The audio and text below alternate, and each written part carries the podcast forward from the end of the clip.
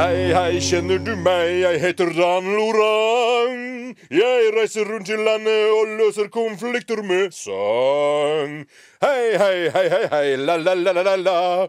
Med sang reiser jeg rundt og gjør folk glad.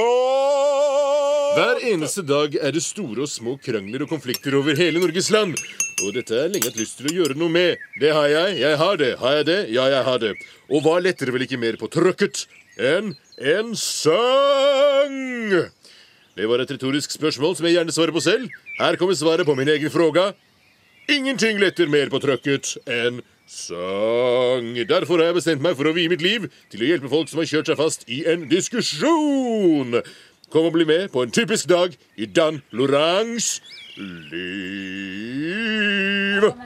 Jeg står og snakker med en Hei sann, der borte er det et yngre par som ser ut til å ha en konflikt. Jeg yler mot dem. Hvorfor går det ikke an å ha jenter?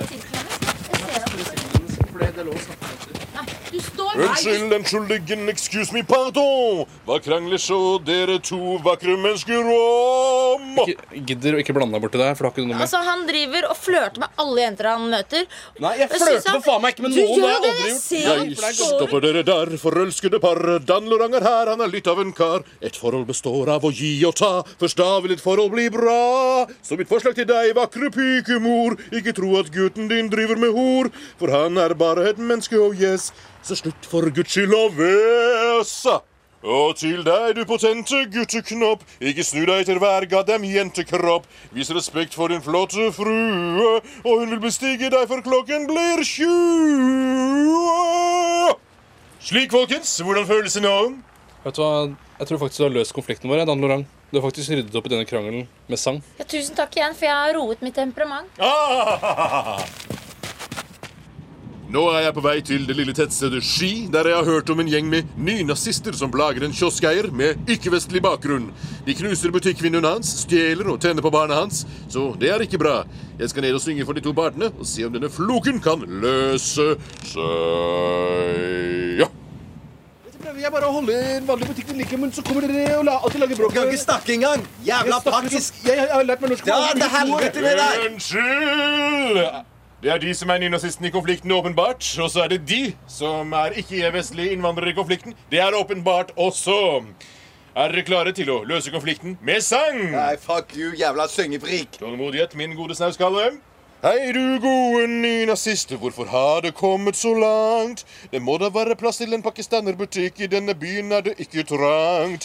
Legg ned den steinen, la håret gro, livet er for kort til å være sur. Nei, ikke mer tull og ball, hvis du fortsetter slik vil du havne i bur. Og så har turen kommet til deg, mann med opprinnelse fra Pakistan-land. Er du klar, lille mann? Ok, greit. Hei, du lille pakistanermann. Du er lei av mobbing og bråk. Jeg tror du gjør lurt i å døpe om din rønne av en butikkåk. Kanskje kall det noe annet enn Rashid Abdullahs krims og krams. Så vil livet straks bestå av sang, løtter og dans.